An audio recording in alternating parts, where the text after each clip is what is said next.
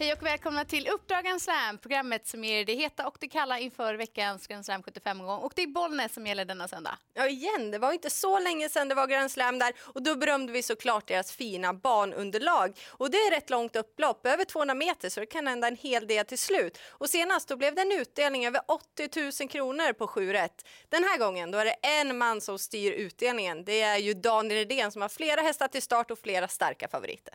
Förutsättningarna är serverade. Nu kör vi igång. Här kommer veckans heta.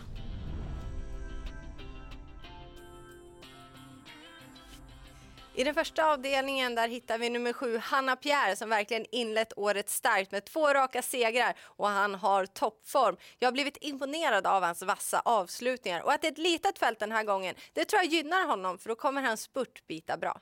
Och går vi till den andra avdelningen så tror jag att nummer åtta, Hilltop Hawk, är den bästa hästen i loppet. Han återkom senast, var ute i ett billigt eh, sällskap, men intrycket när han vann, det var riktigt gott. Spår 8 är ju inte optimalt, men han har visat i tidigare lopp att han kan öppna bra bakom bilen. Så så länge han håller sig i rätt gångart så tror jag inte de andra kan rå på honom. Och i den tredje avdelningen det väntar återigen en häftig duell mellan BV Rune och Rolig Eld. Två fantastiska hästar med väldigt fin form och den här gången så har ju Rolig Eld fått spår längre ut på vingen. Men jag tror inte att det spelar någon roll då han är den som är snabbast bakom bilen de första stegen. Örjan Kihlström i spets med Rolig Eld, då är det hästen att slå. Aktionen var inte perfekt till slut senast men till den här starten så kommer Daniel Redén att göra lite små justeringar och det tror jag kommer passa perfekt. Och I den fjärde avdelningen har vi en stor favorit som är orutinerad. Han har endast gjort två starter i karriären. Men det är inte det som är största frågetecknet, utan det är att det är autostart och det har han aldrig testat på tidigare. Nej, och det är alltid svårt att spekulera hur en häst ska bete sig bakom bilen för första gången. Och hur ska vi tänka som spelare?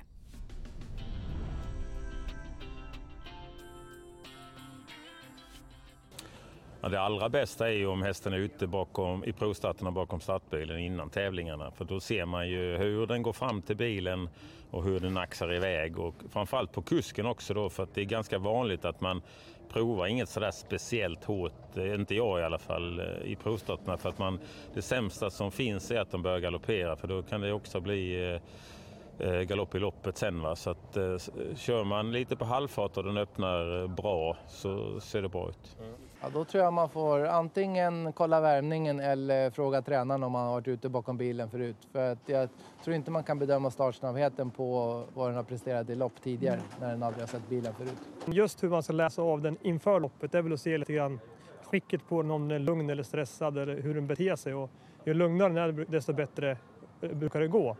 Men man vet aldrig riktigt om man kommer upp bakom bilen. Det är lite grann också på vilken häst det är. Ja, det bästa är ju såklart att kolla bilprovstarterna innan så man får en indikation om hur hästen ska sköta sig. Mm, ofta brukar de sköta sig, men det kanske inte blir någon snabbstart. Just i det här fallet då, med Otensero, dåligt startspår och kort distans, ja, det är ju lite oroväckande. Mm, vilket gör att man vill ju gardera den fjärde avdelningen och då vill jag lyfta fram nummer tre, Rally-Helge, som har lottats till ett bra utgångsläge och har chans att nå ledningen. Från just den positionen så kom hans eh, seger hittills i karriären. Peter G. Norman som tränar har dessutom fin form på stallet. Han har seglat ut ut fyra hästar i februari varav två har segerdefilerat. Och I den femte avdelningen tror jag också att det är ett vinnande koncept att gå i ledningen. Nummer fem Piccolina, hon är startsnabb och borde kunna trycka sig till spets efter en bit och då har hon också hästen att slå. Hon har gjort det väldigt bra i sin comeback med två segrar och senast så blev det en mersmakande fjärde plats. Hon kördes lite avvaktande då, men spurten till slut, den var bra. Och går vi till den sjätte avdelningen så vill du lyfta fram en häst som har två lopp i kroppen nu. Ja, efter halsoperation. Och han har sett väldigt fin ut, nummer tre, Urgent Call, som var ute på V75 senast och gjorde det bra. Och den här gången tror jag att han ska vara ännu vassare. Och går vi till avslutningen så är det spännande med nummer 9, Self Explosive, som kommer med fin dokumenterad form. Han har bra startrygg här i favoriten och jag tror att Rebecca Dahlén tidigt är med i främre träffen. Det som är extra spännande till den här starten är ju att han för första gången ska gå med norskt huvudlag och det ska bli väldigt spännande att se den kicken till slut. Det var våra heta omgången. Här kommer veckans Kalla.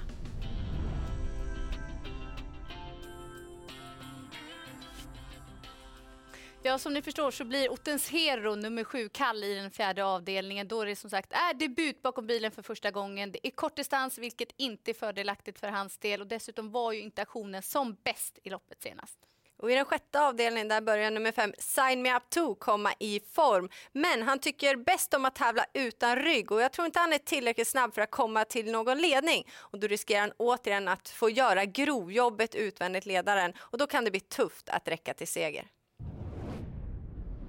Dags att runda av programmet med Jennifer. Vad ser du mest fram emot på söndag? Självklart är det kallblodsduellen i den tredje avdelningen. Men mest spänd på det är att se nummer tre Urgent Call i den sjätte avdelningen. Det blir tredje starten efter uppehåll och jag tror att segern sitter där nu. Och så är det mycket Daniel Redén i fokus och han har ju fina 39 i segerprocent i år. Jag tror väldigt mycket på nummer 8 Hilltop Hawk i den andra avdelningen. Och glöm inte bort att kolla upp bilprovstarten för Otten Zero. Det blir spännande. Stort lycka till med Grand Slam 75 och så ses vi om en vecka igen.